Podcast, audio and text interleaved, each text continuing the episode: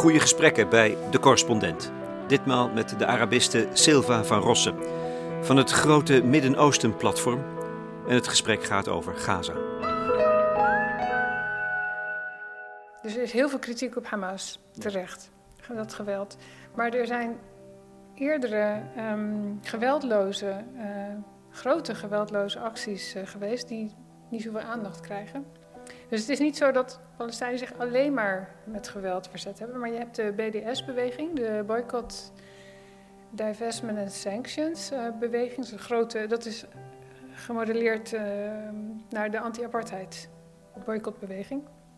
Het bestaat sinds 2005 en dat is echt een grassroots initiatief uit de West, uh, Westbank. Palestijns? Palestijns. En, de, en hun doel is um, meerdere doelen, maar rechtvaardigheid, oplossing voor vluchtelingen, um, ook, ook um, gelijkheid voor Palestijnen in Israël. Die hebben ook een soort tweederangs uh, positie. is een geweldloze manier van verzet. Maar is in Amerika in heel veel staten verboden, is echt wettelijk verboden om dat daartoe op te roepen. In Duitsland heel gevoelig en ook in Nederland ter discussie geweest. En in Engeland. Dus dan, omdat mensen dan, uh, nou, die zeggen, je mag, je mag Israël niet boycotten. Dat, is, uh, dat kan je niet maken. En, uh, terwijl ik denk, ja, ik vind het wel slim. Als niks werkt, dan is dit toch een hele legitieme manier om, om je te verzetten. Nou, dus die beweging bestaat en soms hebben ze ook succes. Het gaat ook om culturele, academische boycott. Dus niet alleen economisch. Um, en dan heb je ook nog, had je een paar jaar geleden, de Great March of Return vanuit Gaza. Dus hebben ze anderhalf jaar, elke vrijdag stonden ze bij de hekken aan de grens. Ik weet niet of je dat nog weet. Dat was 2018, 19. Nou, dat was ook een geweldloze, er waren demonstraties. Er zijn ook een paar honderd doden gevallen, want dan wordt er toch geschoten. En Hamas heeft zich daar uiteindelijk aan verbonden aan die demonstraties. En het is op een gegeven moment weer gestopt. Maar goed, dus dat waren. Het is niet dat, dat ze niet geprobeerd hebben om. Ze, ja, goed, er blijft gewoon steeds dat beroep: help ons, doe iets, maak hier een einde aan. Nou ja, het is ook belangrijk om te, om te noteren dat er dus ook wel. Er, is, er zijn vredesbewegingen. Ook um, ja. in, midden in het conflict. En, dat, ja. en vanuit Europa zou je daar natuurlijk nou, dat, dat wil ik zeggen. Er zijn gesprekspartners. Er zijn en. en um, uh, ja, dus als je denkt van nou, we, moeten niet, we willen niet met, het, met dat leiderschap praten, dan gaan we met bevolking aan het werk. Dat, dat kan. Die zijn er. Die zijn vertegenwoordigd. Die zijn vertegenwoordigd, die willen vertegenwoordigd ook. Ja.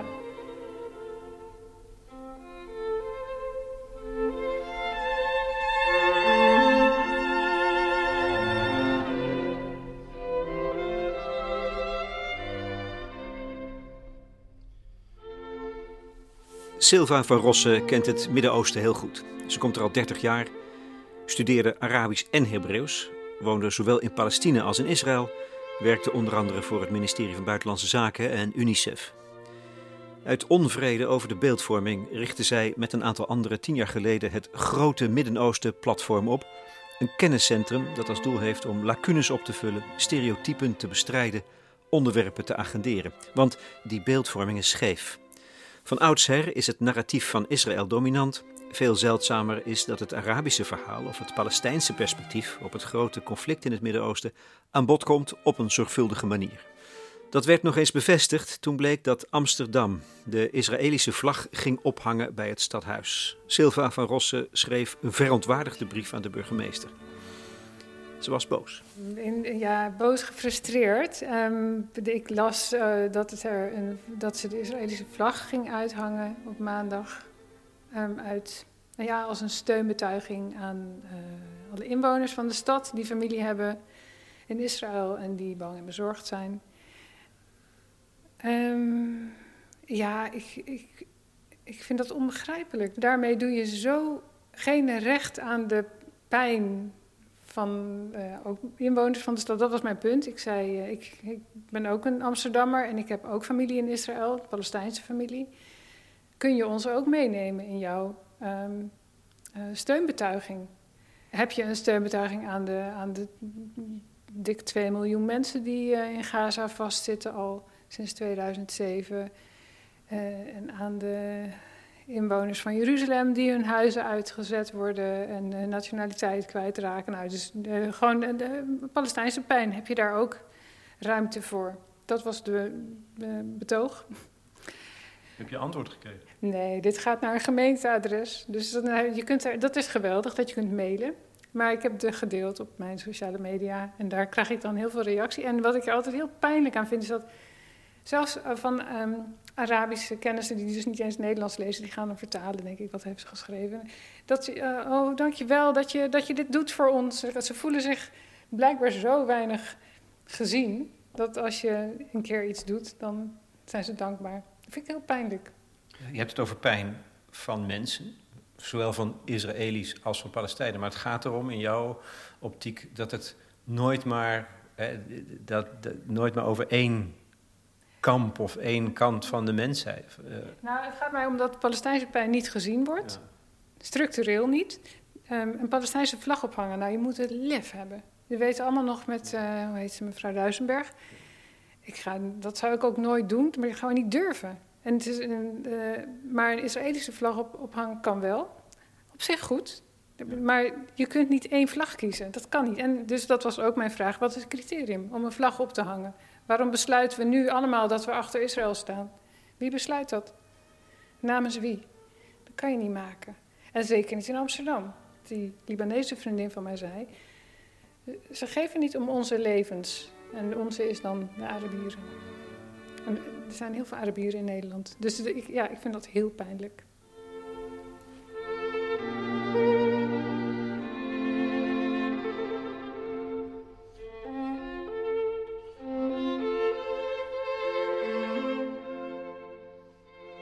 Het gaat er Silva van Rossa uitdrukkelijk niet om dat we moeten kiezen voor een van beide partijen in het conflict dat een lange geschiedenis heeft en op scherp kwam te staan in 1948 bij de oprichting van de staat Israël. Toen werden honderdduizenden Palestijnen van hun land verdreven in de zogeheten Nakba. Ze kwamen terecht in de Palestijnse gebieden Gaza en de Westbank, die in 1967 bovendien na een korte oorlog door Israël werd bezet. Sindsdien zit het muurvast en volgen er met regelmaat uitbarstingen van gruwelijk geweld. De terroristische aanslag van Hamas onlangs was de laatste in de reeks. Voor alle duidelijkheid, zowel Silva van Rossen als ik hebben met afgrijzen gekeken naar het buitengewoon vrede geweld van Hamas. Dat is afschuwelijk, punt. In dit gesprek willen we op zoek naar een evenwichtige kijk op de huidige ontwikkelingen vanuit een menselijk perspectief. En vooral dit: is er een mogelijke uitweg? Als journalist heb ik het gevoel op eieren te lopen soms. Voor je het weet heb je toch weer een eenzijdige kijk op de zaak.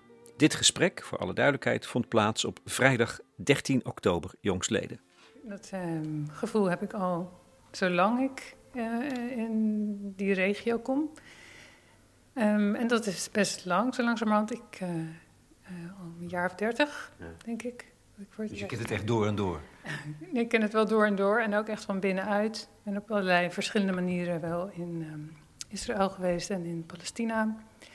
Op verschillende plekken als uh, student en als vrijwilliger in de kibbutz. Een paar keer.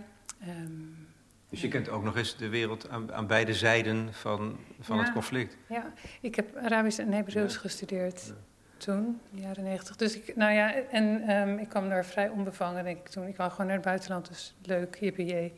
En, en dat was geweldig, ook in Israël. En van daaruit heb ik steeds breder eigenlijk um, daar rondgereisd. En um, mijn mentaal werd beter. En kon ik, ik snapte beter wat ik zag. en zeker heb ik, ik denk dat het toen nog sterker was dan nu, dat gevoel gehad dat mensen al heel gauw denken van... oh, wat een rare denkbeelden houd jij erop naar? Waarom moeten we het hier over hebben? Dus dat op eieren lopen, dat uh, herken ik zeker. Ja. ja. En wat is jouw positie nu, zou je kunnen zeggen? Ja, Amsterdam, vrijdagochtend. Um, mag ik jou beschouwen als een soort betrokken buitenstaander? Ja, ja dat, ben ik eigenlijk precies. Want ja, ik ben zeker een buitenstaander. Ik ben niet Israëlisch, ik ben niet Palestijns. Um, ik heb wel een Palestijnse man inmiddels, maar ja, dat is, zou je ook nog een beetje toeval kunnen noemen. Die is pas veel later in mijn leven gekomen. Uh, maar uh, ja, op dat moment, net voor ik hem ontmoette, had ik net besloten van ik ga dit helemaal laten zitten. Deze kwestie van dat, waar, waar maak ik me eigenlijk druk over? Ik heb er toch niks mee te maken en het wordt niks. Het is gewoon één groot drama en ik denk dat uh, ja, de wereld zich hierbij neergelegd heeft. Um, Israël is sterker, dus die komen er beter uit. Dat was uh, toen mijn, uh, beetje mijn indruk. En ik, ik, ga, ik ben daar klaar mee. Dit is alleen maar heel deprimerend. En toen kwam ik dus mijn man tegen en hij komt uit Israël, maar hij is dus Palestijns. Dus toen ja, kwam ik weer heel veel daar terug. En daar later ben ik ook voor werk weer veel daar geweest. Dus uh, ja, dit maakt echt deel uit van mijn leven, dagelijks. Ja.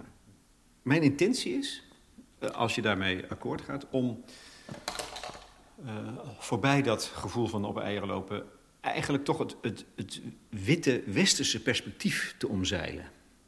Is het mogelijk om daar omheen te komen? En dat is een hele goede vraag. Je bent ook wie je bent. Hè? Dus wij zijn grootgebracht met bepaalde beelden. Het woord Israël of het woord Palestina ook, daar hangen hele grote beelden mee samen. Uit de Bijbel en uit, eh, van heiligheid en heel speciaal. En heel, dat, nou, dat is nu eenmaal zo. Um, en dan heb je nog de herkenning. Dat heeft Joris Luijendijk heel mooi uh, omschreven in zijn uh, boek Het zijn het mensen. Dat we gewoon ons heel erg goed herkennen in ja, een, een bepaalde groep dan daar. Meer dan in Arabieren. Ik denk dat we wel, waar, waar, wat wij altijd kunnen en moeten doen, is kijken naar internationale normen, internationaal recht. Dat, dat, is ons, dat zou ons, ons perspectief, perspectief moeten bepalen. Om zuiver te blijven. En om, uh, als we ons ermee bemoeien of als we er een mening over willen hebben, dan geeft dat gewoon het ideale kader en dat is er. Ja, ja kennen we dat? Eh, wordt het gebruikt als zodanig? Nee. Nee, ja, ik vind veel te weinig. Denk, of als het uitkomt. Als het uitkomt in iets wat je toch al wil gaan doen, dan wordt het erbij gehaald. En dat doen, denk ik, alle partijen. Maar in, volgens mij is het juist heel belangrijk dat we niet enorm ons gaan identificeren met. Uh, of dat we ons gaan mengen in een soort wel eens niet discussie. Die, die, of zieligheid gaan vergelijken of slachtofferschap. En, um, ja, we moeten echt gaan kijken naar rechtvaardigheid. Dus dat is mij, ik, ik vind het heel moeilijk ook, want ik heb ook natuurlijk meningen en ik heb ook belangen en um, ik ken mensen. Dus het is persoonlijk. Ja, maar je wil juist voorbij dat persoonlijke komen. En dan is het internationale recht de, uh, is de basis. Wat is voor jou de kern daarvan? Iedereen is gelijk. Alle mensen hebben recht op leven. Dat is het. En, en, daar, en uh, daar moet je naartoe werken. Dat moet, daar, um, daar moet je, dat moet je doel zijn, ook in, als het gaat over een oplossing. En ik, dit is een afschuwelijke week. Maar dit, dat gemis aan die focus op rechtvaardigheid, dat, dat heb ik altijd. Dat, heb ik, uh, heb ik, uh, ja. um, dat is niet iets van deze week. Dat heb ik al, daar heb ik al jaren last van. Hoe is het mogelijk dat, dat alles maar gebeurt en doorgaat en doorakkert zonder dat er gezocht wordt naar een echte rechtvaardige oplossing. En het gebrek aan zoeken naar een echte oplossing. En dan kijk ik weer van wat kun je vanuit het Westen doen als je niet daar middenin zit. Als je ergens middenin zit, dan zie je alles anders. Dan is het persoonlijk. Maar als wij van buiten zeggen we zijn goede partners, we zijn. ga dan meehelpen aan een oplossing die reëel is. Nu, als ik heb gekeken, um, doe ik altijd van wat staat in de verkiezingsprogramma's staat nooit zo heel veel over buitenland in. Uh, Israël staat er vaker in dan andere landen.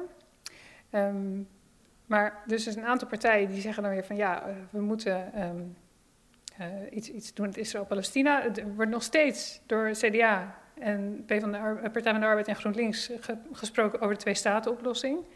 En dat is geen reële optie, dat is het gewoon niet. Het is geen rechtvaardige optie. Waarom staat het in het verkiezingsprogramma? Dat is mensen die daar verstand van hebben en dat zouden ze kunnen hebben, weten dat. Het slaat nergens op, het is gewoon een holle frase. Um, de enige partij die uh, bezetting, dat woord, gebruikt, is bijeen. En um, dat wordt als een hele radicale partij gezien. Dus het is blijkbaar heel radicaal om het woord bezetting te gebruiken of uh, dat standpunt uh, te hebben dat daar een eind aan moet komen. het CDA heeft nog een leuke zin. Daar staat: zij willen zich inzetten voor goede samenwerking tussen Palestijnen en Israëli's. Ja, wat is dat nou? Goede samenwerking. Dat is toch geen oplossing? Even een kleine aanvulling. Er is nog een partij die een andere visie heeft. Ook de Partij voor de Dieren heeft in het verkiezingsprogramma staan dat Nederland zich moet inzetten voor een einde aan de bezetting. Ze gebruiken dat woord ook. En aan schending van mensenrechten door de Israëlische regering. En dit is alleen Nederland, dus Nederland kan dus eigenlijk niet zo heel veel doen. Maar goed, Europa, de, inzet zou voor mij moeten zijn rechtvaardige oplossing. Want er is een probleem, al 70 jaar, 75 jaar, dat er ontzettend veel vluchtelingen zijn. Eh, dat het land eh, van eigenaar is gewisseld. um, kan je dus van mening verschillen van hoe legitiem is dat. Um, maar goed, dat is de situatie. Het uh, land heeft een nieuwe eigenaar en er is daarnaast nog een bezetting bijgekomen, uh, 67. En miljoenen mensen wonen in uh, vluchtelingenkampen of uh, in hele kleine opgesloten regio's. En daar is gewoon geen oplossing voor. En ja, dat vind ik geen uh, rechtvaardigheid. En dat vind ik ook niet passen bij internationaal recht. Waarom is die twee-staten-oplossing hol, betekenisloos? Dat is gewoon onmogelijk. Ben je wel eens in Israël geweest of in een bezette gebieden? Nee, nee. Hm, het is niet zo groot, hè? Dus nou, sowieso Gaza is nou, een verhaal apart. Dat, daar krijgen mensen nu een beetje beeld van, hè, hoe het is om daar te wonen. Een beetje in de hel, in een gevangenis. Nou, het bezette, of de westelijke Jordaanoever is ook niet zo heel groot. En de, de, steden, dus er zijn die steden, en die zijn onder Palestijns bestuur. Dat is een uh, Oslo-agreement uh, uh, resultaat. Het was een, een, een, serie afspraken tussen de Palestijnse autoriteit en de Israëlische regering. Ja, die Palestijnse autoriteit is toen het leven geroepen. Um, en met als doel een soort geleidelijke overdracht van uh, bestuur. Nou, we begonnen met die steden, Area A. Nou, die steden zijn heel, relatief klein, maar heel dicht bevolkt. En die kunnen ook niet groeien. Dus Ramallah, in de tijd dat ik daar woonde, was veel... Ik herken het niet. Helemaal dicht gebouwd nu. Want alles moet omhoog. En nou, er is gewoon geen ruimte voor expansie naar buiten. Nou, dan heb je daartussen nog een gebied met een gemengd uh, gedeeld bestuur op veiligheid. Dus de Palestijnse en Israëlische autoriteit, alles is onder militair bestuur sowieso. En dan heb je nog Area C, dat is helemaal Israëlisch. En dat, dat zijn vaak gebieden die zijn minder bewoond, maar er zijn wel al die nederzettingen gebouwd. En daar wonen nu 700.000 um, ehm, Joods-Israëlische settlers. Helemaal verdeeld over die hele ja. Jordaanoever. En om Jeruzalem heen is een soort ring van settlements gebouwd. Dus je kan, ja, dat is gewoon helemaal eigenlijk afgesloten. Dus het is een heel verbrokkeld. Nou ja, die kaartjes staan nu allemaal in de krant. Dit is geen land. En dan moet je dat ook nog verbinden met de Gazastrook. Bovendien. Dus, dus, dus Palestina is geen land, zeg je dan? Nee, bedoel je? het is geen land. Wat, het is niet een, een, een samenhangend gebied sowieso. Het heeft geen, geen zeggenschap of niks over grondstoffen. Um, toegang tot water, handel, alles wordt gecontroleerd door de Israëlische regering of militairen. Uh. Ja. Maar het is ook niet zo dat je dat in een verre toekomst. Eh, dat je daar een land van zou kunnen maken. Twee, twee landen. Het is echt een. Het is gewoon uitzichtloos. Het is echt kansloos. Dat kan gewoon niet. Dus je moet, als je denkt over vrede en een oplossing die duurzaam is... Dus moet je weg van dat idee. En ook, dat is ook interessant, want jongeren, dat is, ze hebben ook wel wat eh, statistische onderzoeken zijn natuurlijk. Dat, dit hoorde ik een aantal jaar geleden, dat, dat ze van jongeren hebben begrepen... In, um, die, willen ook, die Palestijnse bestuurders, drama. Het is gewoon, daar heb je helemaal niks aan, het is corrupt. Het heeft echt vrij weinig betekend voor, uh, uh, voor de Palestijnse bevolking. Dus die jongeren zien dat ook. Dus die um, zijn ook wel klaar daarmee. Dus die zien eigenlijk, wat nu de meest reële, meest genoemd, dus niet alleen nieuw, maar nu hoort het steeds vaker, gewoon één democratische staat. Dat is de oplossing, waar dus twee volkeren door elkaar, met elkaar leven. Um, ja, dat, dat, dat is een veel reëler, rechtvaardiger plan om naartoe te werken dan een totaal verbrokkeld, um, afgeknepen um, ja, verhaal wat er nu is. Het is gewoon onzin om wat te zeggen. Dus uh, dat, dat, dat twee-staten-oplossing is, is ook helemaal niet officieel meer op de... Er wordt niet serieus over gesproken. Ja, behalve bij het CDA dan dus. CDA, PvdA, dus ook GroenLinks. Daar stond het ook in als, uh, ja, als doel. Ja, okay, en dat een heleboel ook lokale NGO's. Dus als ik uh, met een milieu-NGO, een Israëlische milieu-NGO dan ging het, het ging over de, nou, dingen die zij deden dan, ook voor vrede. En het was, ik was op een bijeenkomst met hun en ik zei, maar waarom gaat het hier niet over de bezetting? Moet dat niet even besproken? En toen zei ze, oh, oh maar wij steunen sowieso de twee-staten-oplossing. Dus alsof dat nog steeds een, ja, een reëel uh, plan is. Ja, ja, ik zie het niet. Nee. En belangrijk, Palestijnse jongeren, ja. die zien dat dus ook niet. Die zien een andere, die hebben een andere uh, visioen. Nou, dat was toen de uitkomst van dat specifieke onderzoek. Dat ze dus een meerderheid van de jongeren zei: doe ons maar een één-staat-oplossing. En dus ja, dit, zijn, uh, dit, is een vrij, het is een breed gedragen initiatief. Er zijn internationaal initiatieven over. Zoals gezegd, dit gesprek met Silva van Rossen vond plaats op vrijdag 13 oktober. En toen ik het afluisterde, dacht ik: ja, hier zou ik nog wel meer over willen horen. Dus op maandag heb ik haar per internet om toelichtingen gevraagd. De akoestiek is anders, dat moet maar even zo. Over dat onderzoek onder Palestijnse jongeren sprak zij al in 2016 met iemand van het Palestijnse Bureau voor Statistiek. En de vraag is nu dus: wordt er inderdaad serieus over zo'n één-staten-oplossing gesproken? Door wie? Wat zijn de concrete stappen om daar te komen? Ik heb zelf veel over een één-staten-oplossing horen praten, maar niet door politici. Dus het zijn juist burgers en organisaties die zeggen: dit is de enige oplossing. En ook al heel lang, hè? dit is niet een nieuw, dit is vanaf het begin, uh, of nadat uh, Israël is opgericht en na, na de bezetting, zijn er al uh, mensen geweest die hebben gezegd: dit is de oplossing, want het is democratisch en rechtvaardig.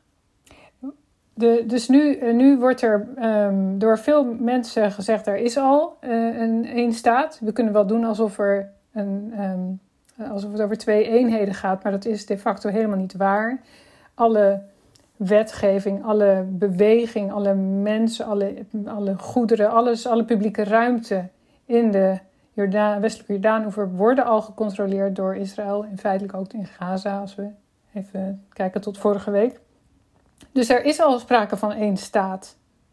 Heel ondemocratisch en heel gewelddadig en um, uh, nou ja, met wetgeving voor verschillende bevolkingsgroepen. Dus, uh, maar het is de facto één staat. Hoe concreet wordt er over nagedacht? Welke stappen je zou kunnen zetten of moeten zetten? Um, ik, ik, weet natuurlijk, uh, ik, ik, ken de mensen die ik ken. er zijn hele interessante internationale netwerken van Palestijnen over de wereld heen, van academici en intellectuelen die elkaar opzoeken en die zich voor proberen te stellen wat een oplossing zou kunnen zijn, wat voor, wat voor Palestina mogelijk is in de toekomst. En die daar wel concrete plannen voor maken. Maar ze weten ook dat, dat ze dat doen los van de politieke realiteit. Dus uh, zij, ja, wie zijn ze? Ze zijn losse personen of, of, of netwerken. Dus ik, dus ik weet niet wat politici doen. Ik weet niet of er uh, achter de schermen wel gewerkt wordt met concrete plannen. Ik, ik, heb het niet gezien. En ik, mm, dus ik weet niet of, of er ook concreet aan gewerkt wordt. Ik, heb, ik ken het alleen van, van burgerinitiatieven. En hoe heette die? Uh, Shabaka. Shabaka betekent netwerk in het Arabisch. Er zijn er meerdere. Je hebt een One Democratic State Initiative. Dat is een, een platform. Het is heel conceptueel, dat platform maar heel, um, heel doordacht. Um, er zijn uh, meerdere interessante initiatieven. En wat daar ook interessant aan is, dat voor, vroeger had je altijd de PLO als de vertegenwoordiger van alle Palestijnen ter wereld.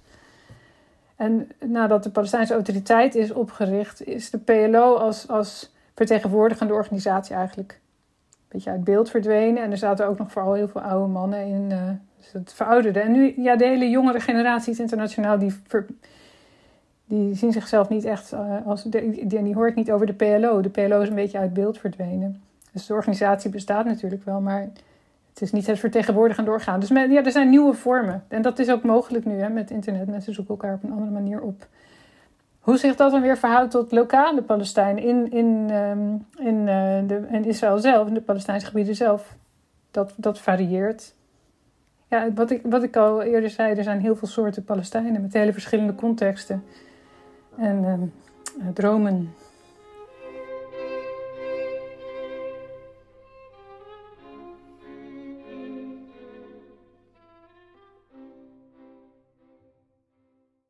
Want dat is iets anders. Ehm, wat ook vind ik. Nu, nou, ik zat vandaag te smullen in de krant. Heel vaak lees ik een stuk over het Midden-Oosten, niet enorm. Of over Israël, omdat. Het, ja, ik, wat is nieuw. Maar er staat. Vandaag was echt het, uh, een uh, feestje. Um, omdat er gewoon heel veel verschillende onderwerpen in zonder boeken. Boeken die je moet lezen om het te snappen. Ja, en ja, zeker. Ja, goede boeken. Ja, tien, tien, tien boeken. En dat, in, waren, in, ja. ja, dat waren allemaal boeken. Ik heb er een aantal. Um, je zou ook nog romans kunnen doen. Hè? Ik vind romans uh, geven heel veel inzicht in ja, de, de weefsel van de maatschappij. Dus daar kan je een heleboel van, van snappen. Van, ja, van angsten, uh, um, wensen, dromen, mogelijkheden. Maar, maar je, je, je, begon erover omdat okay, je, ja, je duidelijk. Ja? ja, want wat ik ook. Er stond een, heel, een, een stukje over economie in de krant. En, en over de economische statusontwikkeling uh, in uh, het Midden-Oosten. Ja. En hoe, zich dat, hoe dat verschilt van Israël. Maar dan ook dat je eigenlijk niet kunt spreken van een Palestijnse economie. Omdat die. Ja, dus in Gaza heel anders dan in de Westbank. Um, veel beroerder. Maar wat, wat, ik er interessant aan vind, is wat eindelijk duidelijk wordt: er zijn zoveel soorten Palestijnen. En dat komt allemaal door de uh, Nakba, door de verdrijving van uh, uh, 1948 heeft plaatsgevonden. Iedereen is op een andere plek gekomen en daarna in 1967 opnieuw. Dus je hebt mensen in kampen en je hebt in, in, verschillende landen, je hebt in, in de Gazastrook, je hebt gewoon binnen Israël zelf. Um, of je in Gaza eindigde of in, in de Westbank, dan heb je een, de ene is meer Egyptisch georiënteerd en die hebben heel andere papieren. Die, die papieren hebben allemaal andere waarden, dus daar kan je wel mee reizen internationaal of niet. Je mag ermee stemmen of niet. Je kan er, het, er zijn zoveel soorten en variaties, dus ze hebben allemaal echt een andere positie in de wereld, letterlijk, en in hun land. En al dat soort nuances. Iedereen maar de Palestijnen zeggen dit, ja. de Palestijnen. Ja, dat en dat is precies het probleem. En wat ze delen is dat ze echt wel allemaal nog steeds na 75 jaar heel erg betrokken zijn. Ja, en dat, dat onderstreept nog eens de noodzaak van een één-staten-oplossing. Eén, hmm. Één land. Omdat dan kunnen al die verschillende Palestijnen kunnen opgenomen worden in, ja, in het land. Ja, dan zeg je wel iets, want daar hoort dan eigenlijk ook bij recht van terugkeer. Ja. En dat is een no-go voor, uh, voor Israël voor, uh, nou, ja, daar heb ik ook dus nog de mensen, de Palestijnen die verdreven zijn uit hun eigen land en woningen, die hebben het recht om terug te keren. Ja, daar wonen inmiddels Israëli's. Nou, en dat is niet per se altijd waar. Oh. Dus er, is, er, zijn hele interessante onderzoeken en studies gedaan. Dus het blijkt dus als je echt letterlijk gaat kijken... waar komen ze echt fysiek vandaan... dat is allemaal in kaart gebracht. Hè? Ja. Dus dat vind ik het interessant. Dit is allemaal bekend. Maar er wordt niet op geacteerd. Maar de, je kunt dus zien op een aantal steden na. Bijvoorbeeld als je Jaffa kijkt, dat is 95% uh, etnisch gezuiverd hè, in 48. Dus daar bleven echt maar 3000 mensen over. En die werden allemaal in een wijk gestopt. Dus die stad is nu vrij volledig um, uh, Israëlisch. Maar als je kijkt door het land heen, zeker op het platteland, een heleboel mensen zouden eigenlijk terug kunnen naar waar ze vandaan komen. Um, maar die huizen staan leeg dan? Uh, of, of, die huizen zijn er misschien niet meer. Er zijn nog wel wat restanten. Maar de, ja, een heleboel is nog best in te passen. Het is okay. niet allemaal uh, ja. uh, totaal gevuld. En even om de spiegeling te maken. Palestijnse jongeren zien daar de, uit, de uiteindelijke uitweg. Hoe zit dat voor Israëlische jongeren? Leeft dat idee van een één staat waar iedereen gelijke rechten heeft ook? Of is dat niet zo? Ik, ik, ik moet geen dingen gaan zeggen die ik niet weet. Hè? Dus, um, ja. Maar voor zover ik, wat ik weet van Israël, is dat. Um, nee, want mensen zijn daar oprecht bang. Mijn beeld is dat de meeste Israëli's gewoon niet bezig zijn met het feit dat ze op land wonen wat van iemand anders was. Zo kijken zij niet naar hun land. Zij kijken naar hun land van ik heb nu eigenlijk een veilig land. Ja, dit is mijn land. Dit is mijn land. En, en ook, ja, zijn er geboren en dat is, het is ook hun land. Um, en ze zijn niet dagelijks bezig. Um, voorbeeldje. De, um, er was, ik, ik, was bij een soort dialoog tussen uh, Israëlisch-Palestijnse jongeren. Was hier, waren hier in Nederland. En ik sprak met een, een jonge Israëli en vroeg van waar woon jij? Nou, in Jeruzalem. En waar in Jeruzalem? Ik heb ook in Jeruzalem gewoond, dus ik ken het wel een beetje. En toen zei hij, Har Homa. En dat is een settlement. Dus voor mij is dat geen Jeruzalem, het is een redelijk nieuwe... het is uit... Ik weet nog dat ik, dat was weer een, ik was, ik was ook een tijdje vrijwilliger in een organisatie ergens vlakbij Bethlehem. En toen kwamen daar allemaal lokale landeigenaren, die waren bezig met een rechtszaak, omdat hun land was ingenomen, Abu Ghanem. En dat is een heuvel naast Jeruzalem. En dat is nu haar Homa. Dat is, dus ze hebben die rechtszaak verloren. Maar ik zie ze nog voor me, die mannen. Ik toch proberen, maar die, nou, goed, kansloos. Dus daar ging het topje van de heuvel. En dan bouwen ze daar op een settlement. En dat is nu een buitenwijk van Jeruzalem. Dus ik zei tegen die jongen, dat is een settlement. En hij keek me zo aan en zei, ja, ja, ik zie waarom je dat zegt. Maar hij was er helemaal niet mee bezig. Ja, moet jij hem dat duidelijk maken. Ja, hij zei een beetje verbaasd. Ja, van, oh, interessant, ja, zo'n settlement. Hij woont in Jeruzalem, voor zijn gevoel. Maar voor Palestijnen zijn er, ja, die komen elke keer langs die Ik ook, als ik er langs kom, dan denk ik, ja, dat was Abu Ghneim. Dat is nu Hazoma. Nee, nee, dat zien ze niet. Dus het is, ik denk dat er geen onwil. Het, het, het, nee, zo kijken ze niet.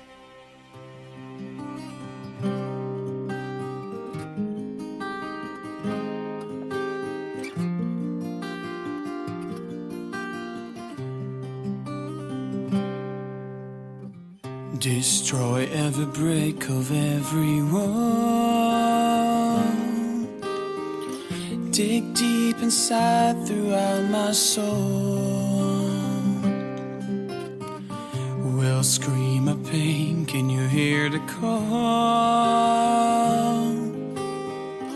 Knock, knock, are you listening at all? Conquer every corner on this earth. Een van de dingen, Sylvain van Rossen, die jij graag wil benadrukken, en dat ook nog wel belangrijk is, misschien op dit moment, als het gaat over rechtvaardigheid.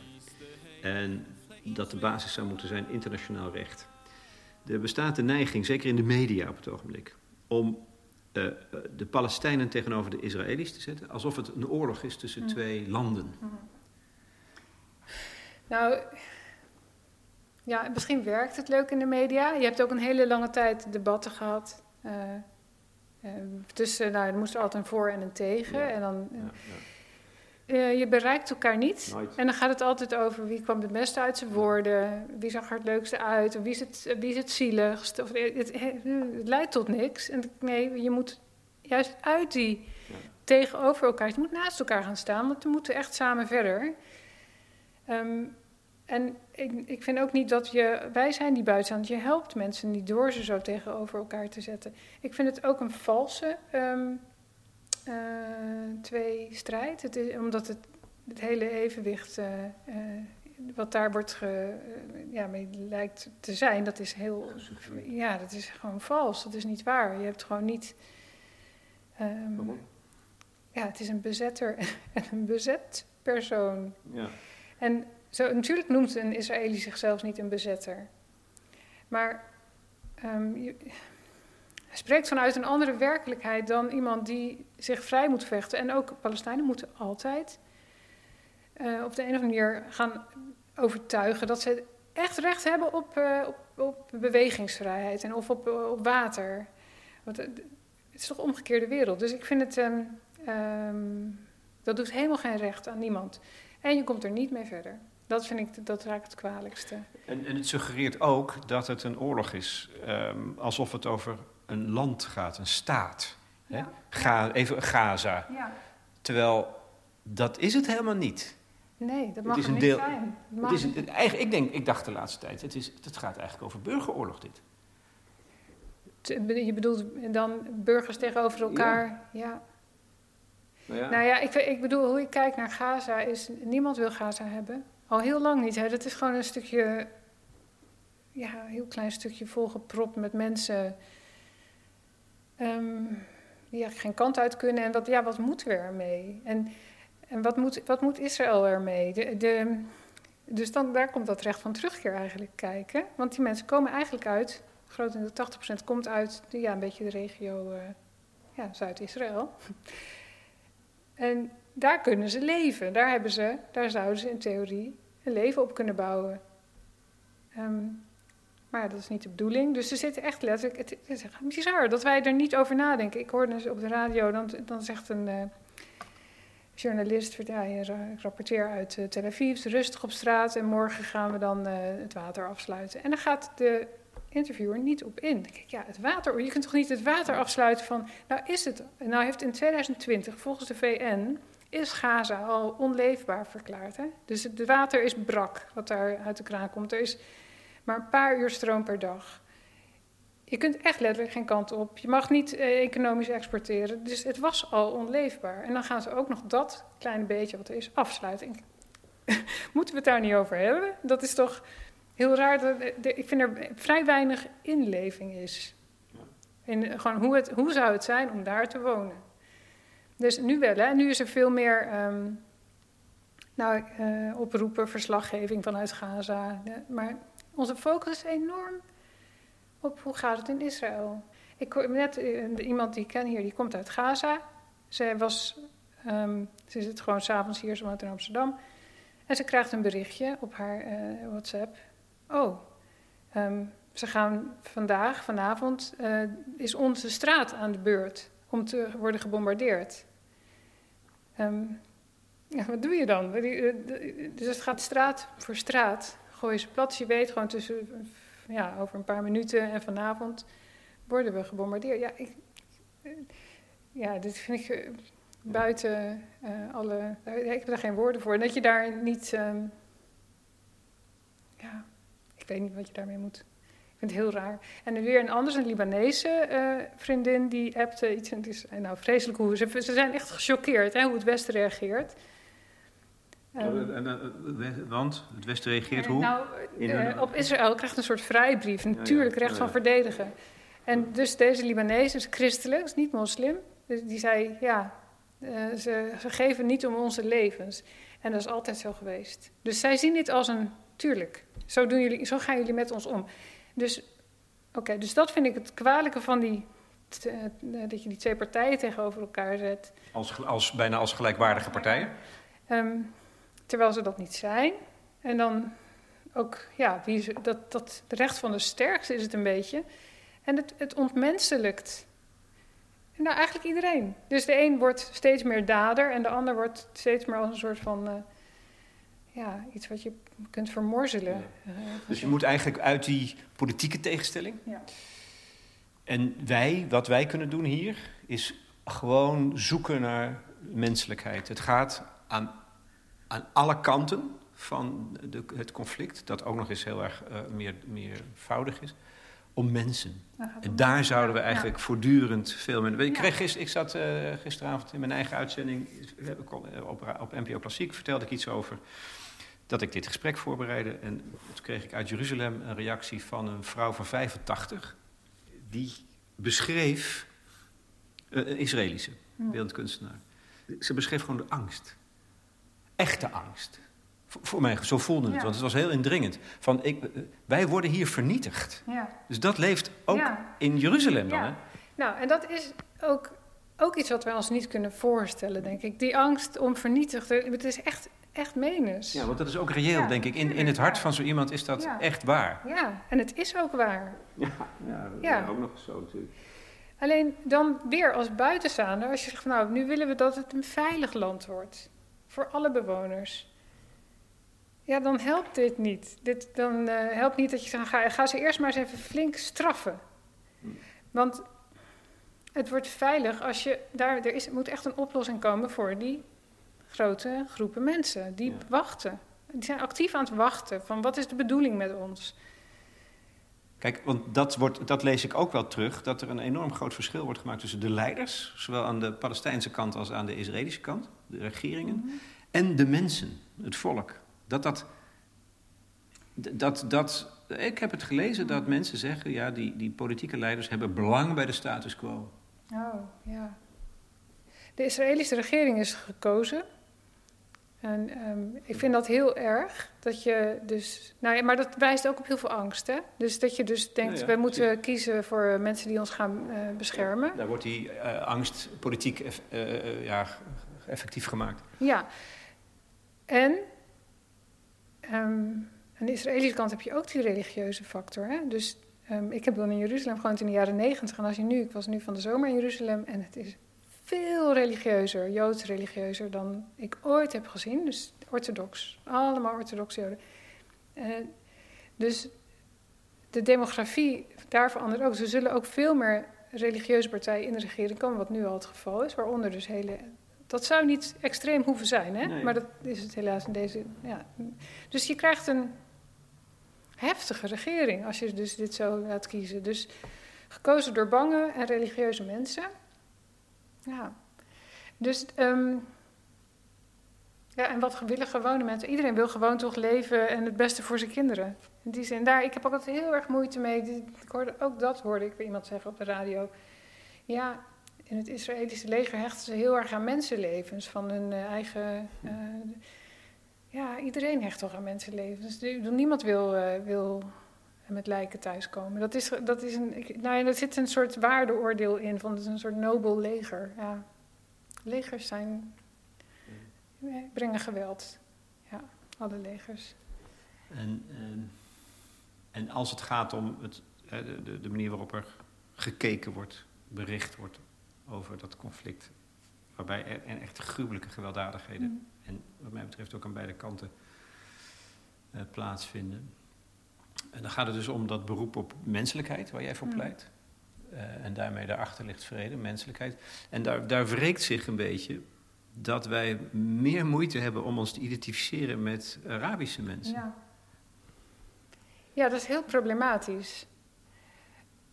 Ja, ik weet, um, dat klopt. Maar dat is ook een, een, iets wat jij eigenlijk door de loop van de decennia natuurlijk ja, is, gezien hebt. vrij structureel. En, en dat heeft niet zoveel met zeg maar, eh, de extremistische islamisten te maken of zo. Nee, dat helpt niet. Dus de mensen, nee, dat helpt. Dat, dat, ja, dat is voor de beeldvorming niet zo heel. Maar ik, dit, dit is denk ik, ik ken het Midden-Oosten goed. Dit geldt waarschijnlijk net zo goed voor Afrika en Azië. En, eh, dus daar identificeren we ons niet enorm mee.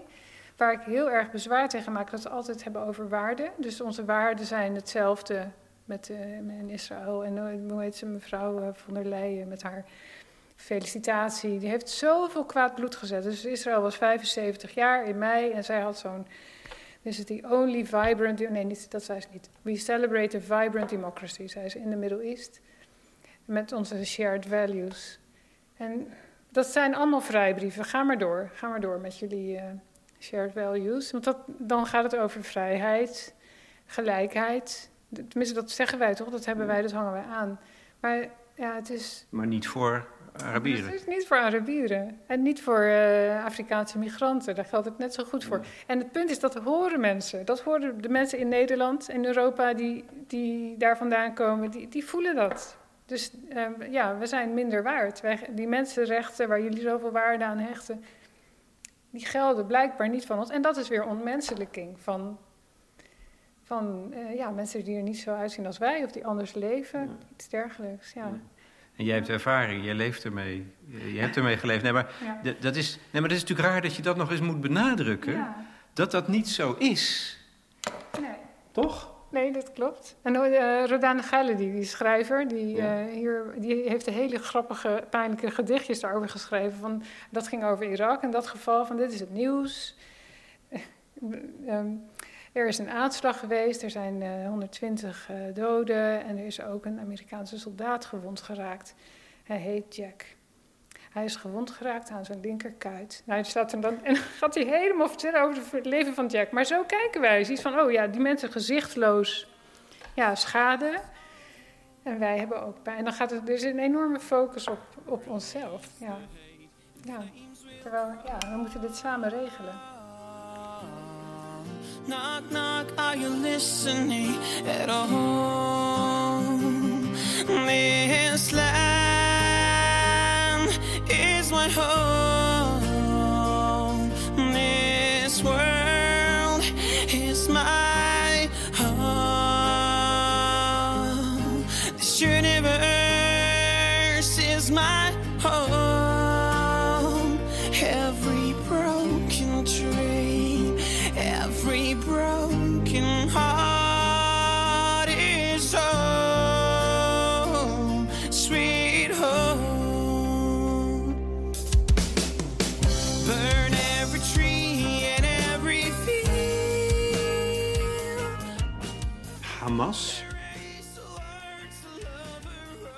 natuurlijk.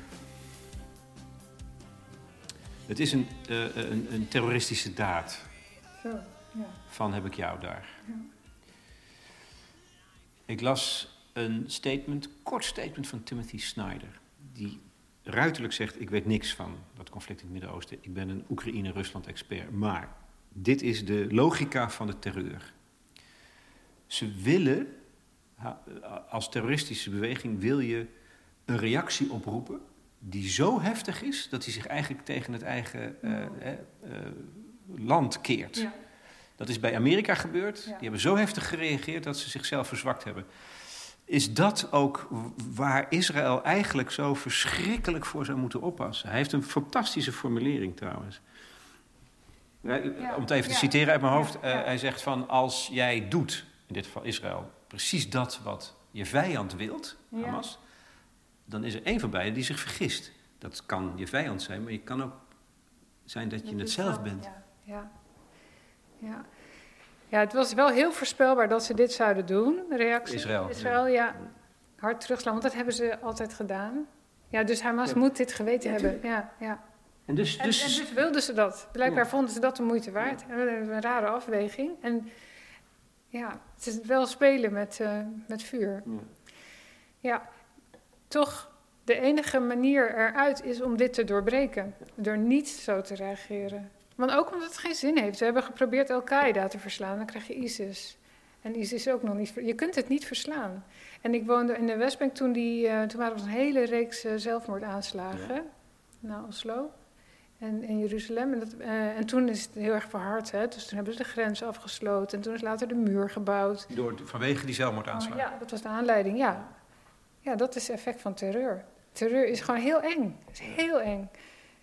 Ja. ja. En dan, maar dan verhardt alles. En, en het ontmenselijkt. Dus je krijgt dus echt, en nu kwam er echt een fysieke scheiding tussen. En, wat ze, en dat, nou goed, weer. Ik denk, als, als weer, ik ga weer even naar wat het Westen moet doen of Arabische landen, wie dan ook, wie zeg maar zegt dat ze een oplossing kunnen bedenken. Als je ziet wat er nu de situatie was hè, voor deze uh, oorlog begon.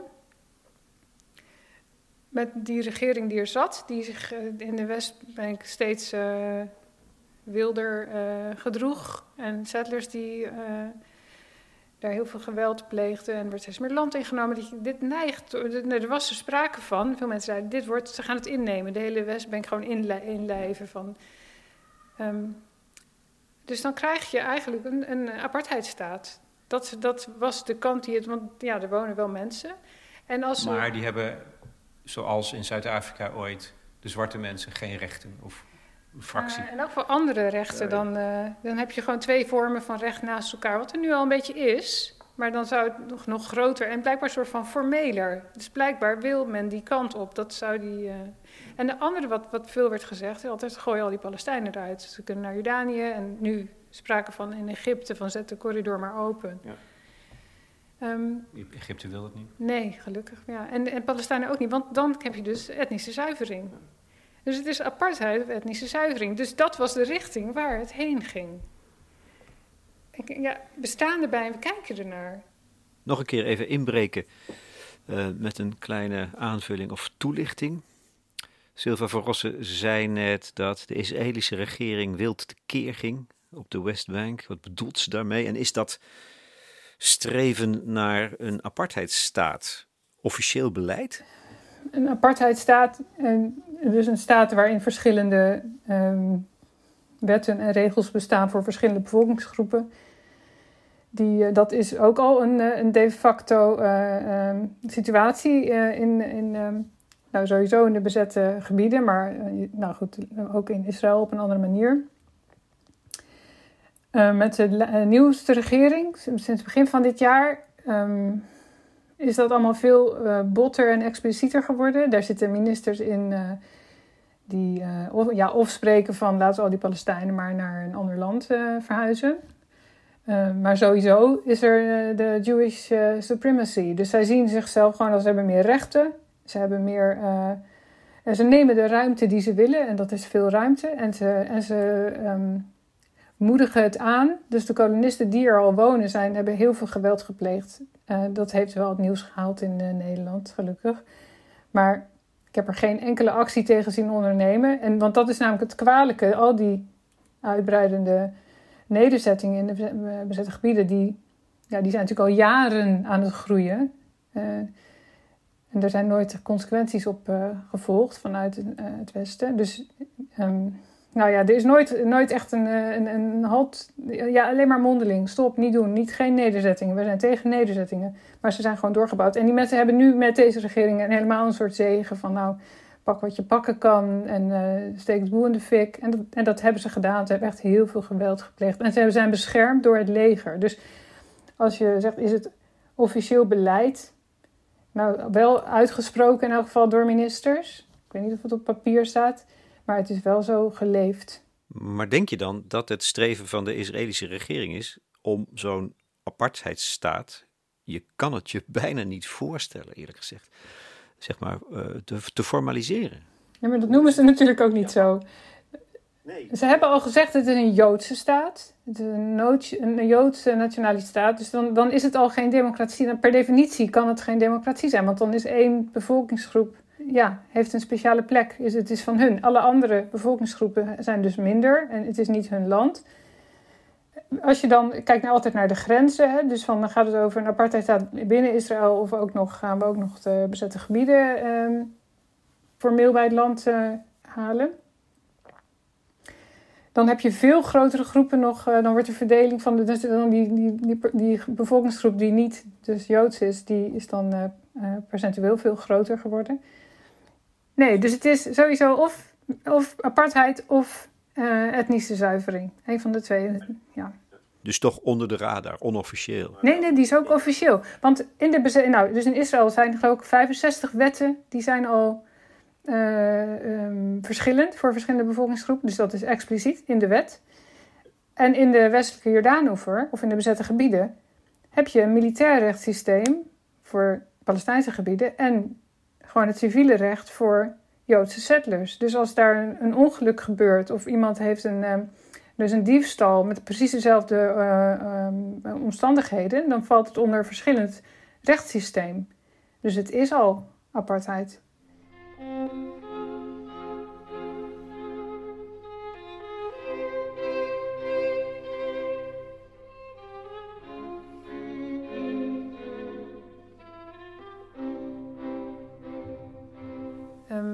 Nou, dat, ja, dat is zo'n grote analyse van Hamas dan ook in de krant vandaag. Dus, ja. van Jeroen Gunning. Ja, zegt, dus eh, Hamas heeft, um, er wordt vaak gezegd, Hamas heeft in het handvest staan, Israël moet uh, weg. En er zijn vast veel mensen die dat ook willen, maar in principe, dat heb ik ook al jaren geleden heel duidelijk gekregen. Iedereen met Israël is er gewoon. Dus het, hun doel is niet Israël vernietigen. Hun doel, het, gewoon, mensen willen gewoon leven een normaal leven. Ja, en dan is dit een wan, uiterste wanhoopstaat om dat uiteindelijk, dat uiteindelijk te bereiken. Ja, ik weet, nee, ik weet niet, maar dit, is, dit vind ik een, uh, een buiten het normale. Dus uh, ik, dat weet ik niet wat uh, daarmee de bedoeling is. Ja, ik las een, een stuk van Samar Batrawi hmm. bij de correspondent van vier jaar geleden. Hmm. Ja. Die, die ken je? ja, ik weet ook nog dat ze, ik ken haar niet goed hoor. Ik weet niet waar ze nu is, nu in Engeland geloof ik. Ja, ja. Ik dacht, dat is ook iemand om, uh, om op te zoeken. Die schreef vier jaar geleden al. Die had met de uh, directeur van het Palestijnse Instituut voor Public Dip Diplomacy gesproken. Ja. Zij constateerde, of, of, trok een conclusie naar onderzoek, dat zowel de Israëlische staat als de Pal Palestijnse autoriteit en Hamas baat hebben bij het voortduren van de status quo. Dat, dat vond ik een belangrijk. Um, ook al resulteert dat in grootschalige schendingen van de mensenrechten ja. en voortdurend geweld, maar kennelijk willen ze hun machtspositie niet, niet opgeven. Dus, dus dat zit vrede in de weg, ja. de machtspositie van de, van de uh, overheden. Maar deze uh, directeur van dat Instituut voor Public Diplomacy uh, zegt, ja, en het was dus vier jaar geleden dat hij dat zei, het gaat de komende tien jaar erger worden. Dus dat, daar spreekt hij over verelen doen. Uh, erger voor de Palestijnen. Mm -hmm. En nu dus ook voor uh, deel van de Israëlische bevolking. Maar uiteindelijk wordt dat zo erg dat iedereen gaat inzien dat het niet verder kan. En dan, dan ontstaat, daar, dan ontstaat daar burgerrechtenbewegingen. Het is het enige optimistische geluid, of nou ja, het is ook gemeend je kan het niet alleen maar zomaar optimistisch noemen, maar, maar wel een geluid waarvan je denkt: oké, daar ziet iemand een ontwikkeling, laat ik het zo zeggen. Ja. Is dat, is dat iets waar jij Ja, in gelooft? wel, eh, nou, wel iets wat ik zou willen. En wat ik zelf, ik zal zeggen wat ik zelf gezien heb. Ehm, eh, ik ben heel erg bezig met een soort mapping regiobreed, dus ook in andere Arabische landen, om te kijken wat doen lokale mensen aan duurzaamheid. En, eh, want dat is namelijk heel veel. Ja. Ja. Ehm, Libanon bijvoorbeeld heeft heel veel ehm, eh, duurzame ondernemers, heel veel mm, boeren, heel veel energie, transitiedingen. Maar ook in Israël, in de Gazastrook, in de Palestijnse gebieden heb je eh, ook dat soort initiatieven. En ik vond de leukste en de meest hoopvolle de eh, landbouwers. Dus dat zijn dus niet ehm, de meeste boeren. Boeren de, de- Palestina was een landbouwmaatschappij, hè, een landbouw, eh, grote landbouwcultuur. Die boeren die, eh, zijn soms wel de hoop verloren, maar je hebt nu een hoop mensen die vanuit steden naar een beetje land gaan huren en daar zelf gaan verbouwen. En je hebt een hele agroecology mm, ja, beweging die aan het groeien is. En dus dat is niet zozeer mensenrechtenbeweging, maar dat is het veel kleiner gaan zoeken. En het gaat over controle hebben over je leven, autonomie. Want dat hebben ze niet. Hè? De Palestijnen als samenleving hebben geen autonomie over hun leven. Een hele economie en alles, infrastructuur hangt van eh, Israëlische controle eh, aan elkaar. Dus als zij dan zelf hun eigen land gaan verbouwen, en dan heb je dezelfde soort initiatiefjes als hier, met eh, herenboeren Ja, of... het land van ons, noem Ja. maar op. daar. Dat En heb je. Maar dat, dat kan je. bijna, dat, daar horen we dus ook eigenlijk Ja. weinig over. Maar nee, dat, is- dat- daarom maken wij die mapping, om te laten zien, dat gebeurt daar ook. En dat is vanuit dezelfde onvrede met grote systemen, hoe dingen zijn georganiseerd in de wereld. Die doen geen recht aan mensen.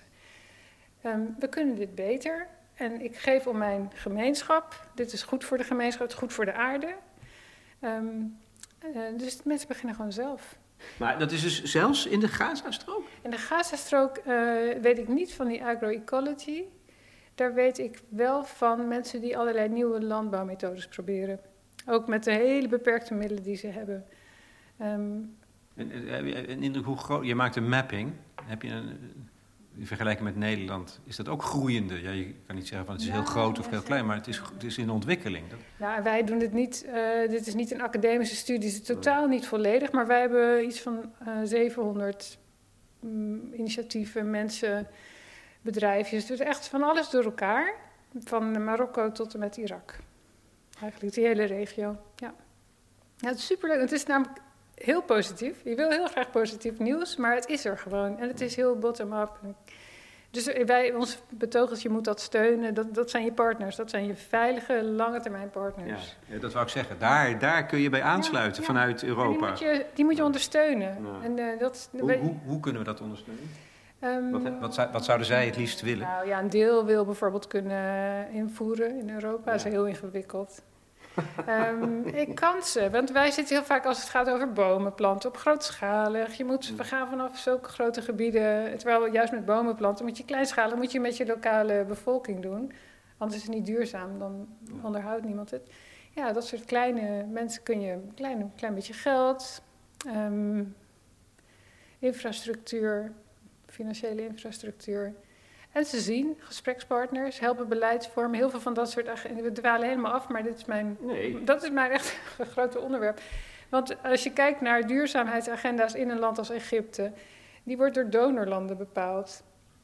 Dus don- eh, Nederland heeft een waterbeheersagenda en zijn er ook goed in, en landbouw. Dus dan gaan ze meedenken over donor of over eh, landbouwagenda's bijvoorbeeld in dat soort landen. Maar je kunt ook met lokale mensen dat soort agenda's ontwikkelen.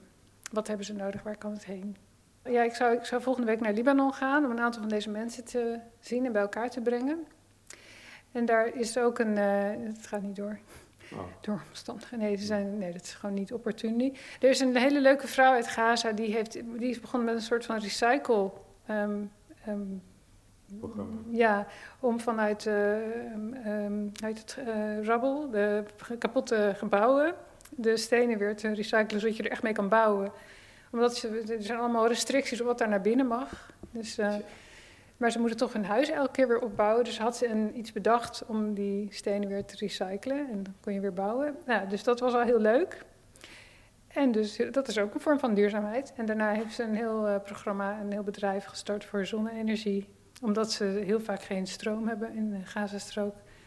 Uh, is dat, ja, dat helpt enorm als je dan zonne-energie hebt. Dus zij heeft daar nu een bedrijf in. Uh, ze is nu uh, zelf in Saudi-Arabië, maar haar familie zit in Gaza.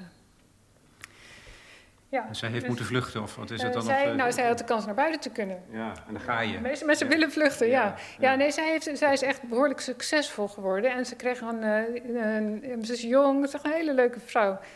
Uh, dus zij heeft echt aandacht getrokken en ze heeft wat kansen gekregen. Ja, maar dan moet ze, als, als je dan weg kan, dan ga je weg. Maar dan, ja.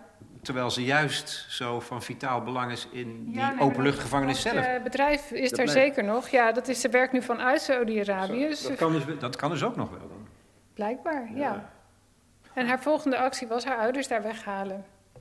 Uh, dus ze wil, iedereen wil uit Gaza weg. niemand wil Gaza, nee. zoals je zei. Nee, precies. Ja, ik ben verbaasd dat dit soort dingen dus ook nog mogelijk zijn. Ja, dat is wel heel goed om daar ook over te horen. Ja, ja mensen zijn ongelooflijk. Ik weet niet of ik ook zo, maar ja, ze gaan door. Dus ja, je hebt misschien geen keus. En als je dan toch nog even heel bitter wil zijn, dat wat er nu gebeurt, de maatregelen die genomen worden. Um, om bijvoorbeeld water en elektriciteit af te sluiten. Dat is al aan de hand, volgens mij. Het water is al brak trouwens. Dat was het al. Uh, elektriciteit afsluiten, dat is een, een, misdaad tegen de mensheid, volgens mij. Um, wij, als, als er een rol is voor Europa, afgezien van blijven zoeken naar de menselijkheid, dan, dan komt hier met name die internationale rechtspraak, denk ik, heel erg aan bod, toch? Dat wij heftig daartegen in het geweer moeten komen. Ja. En dan vervolgens kijken hoe verder. Dus uh, als je alleen maar uh, zegt: dit mag niet, dit mag niet. Ja, gek. Je moet wel verder. Dus dan, dan, moet je wel zeggen: dan gaan we nu praten. Dus nu gaan we dan toch uh, kijken hoe we hier uitkomen. Ja, want anders dan. Maar kan dat nog? Kan er nog. Maar je hebt nog geen keus. Ja, want, want wat, wat is het alternatief? Want nu, oké, dus stel je, stel je gaat niet praten. Nou, uh, deel wordt platgegooid en een deel van de mensen verdwijnt, is dood of blijft daar. Nou, dan gaan ze weer opbouwen, het blijft afgesloten. Dan is het nog steeds niet veilig in Israël. En nog meer mensen met enorme trauma's aan beide kanten. Ja, dus nog meer broeihaard voor mogelijke ja. ontwikkeling in, in, in, de richting van, uh, van is of wat dan ook, ja. in stijl. Ja. En dan heb je intussen ook nog een, een volk voor een nou, deel. Dat is ook een beetje. Dan zeggen we, ja, dat is nou ja, het is heel ingewikkeld. Ja, nou ja, zo is het altijd geweest. Maar dat is niet een reden om, nee. om de termen niks, niks te doen. Dat kan niet. Maar het kan. je hoort zo vaak zeggen, het is een onmogelijk. Ja, Weet je, het is uitzichtloos. Ik zie, ik zie niks. Maar jij... Um, uh, nog een leuk stuk. En ik vond de krant vandaag echt heel leuk. Voor het eerst sinds lang. Een stuk van Maurits Berger. Ja. Van um, Universiteit Leiden. Arabië, uh, Arabist. Arabist en jurist. Hij zei, toen in 1982 uh, in de, de, PLO alsmaar Israël bombardeerde... en Israël kwam terug en uh, groot materieel in Libanon... en toen is er een uitweg gevonden, hebben ze onderhandeld met de PLO... dus zijn PLO-leiders via zee hebben ze het land verlaten... Uh, naar Tunesië. Dus allemaal, dat is natuurlijk over gesproken, nagedacht overheen. En dat was, daardoor kon Israël zich uh, terugtrekken uit Libanon. En kon de, um, ja, de, de PLO die zoveel schade veroorzaakte, die was ja, veilige afstand. Dat zou je met Hamas ook kunnen doen. Dus hij, ik vind het heel leuk dat je gewoon zegt van het is niet, er zijn manieren, er zijn uitwegen. Je moet altijd blijven zoeken, hoe komen we hier uit? Als nou Hamas is, uh, ga nou praten, leiderschap verlaat het land. Ik weet niet of ze dat doen, maar overwegen, ga het onderzoeken. Dus, um, want het alternatief is heel veel bloed en schade. dat, dat is er al. En als je dat niet doet, dan komt er nog veel meer. Je kan bij Hamas met hun terroristische agenda eigenlijk niet goed voorstellen. alsof je uh, bij, bij, bij IS ook gaat praten van zullen we, zullen we met elkaar. politieke tak, hè? Dus het is niet alleen de militaire tak, het is ook de politieke tak. En het zijn ook hun mensen die doodgaan. Ze hebben hun punt wel gemaakt. Hallo. Nee, dat, is ook, dat komt ook uit het stuk, van Jeroen Gunning, een Hamas-kenner in de krant vandaag uh, naar voren. Dat door het repressieve beleid is de gewelddadige factie van Hamas veel sterker geworden. Ja. En je zou de politieke tak kunnen proberen Ja. sterker te maken. ja, precies. En je moet nooit opgeven en altijd blijven zoeken naar een menselijke uitweg. Ja. Ik zal nooit niet aan Palestina denken om met Allah Abd el-Fattah te spreken, maar dat geldt voor jou eigenlijk ook. Klopt. nou, zeker. Deze week helemaal, ja.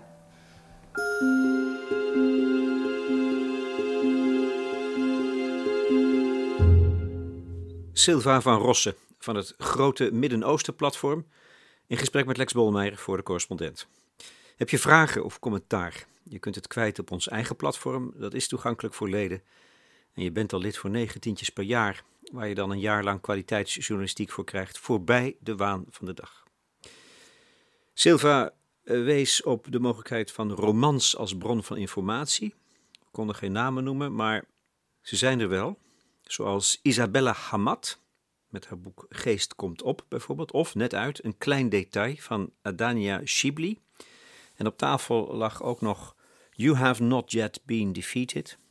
Selected Works of Ala Abd el-Fattah. Met een voorwoord van Naomi Klein.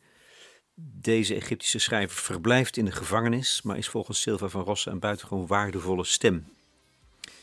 En dan de muziek tenslotte. Ik gebruikte een strijkkwartet van Mozart, evenwichtskunst in mineur. En het nummer Home van de eerste rockband uit Gaza zelf. Hoe is het mogelijk?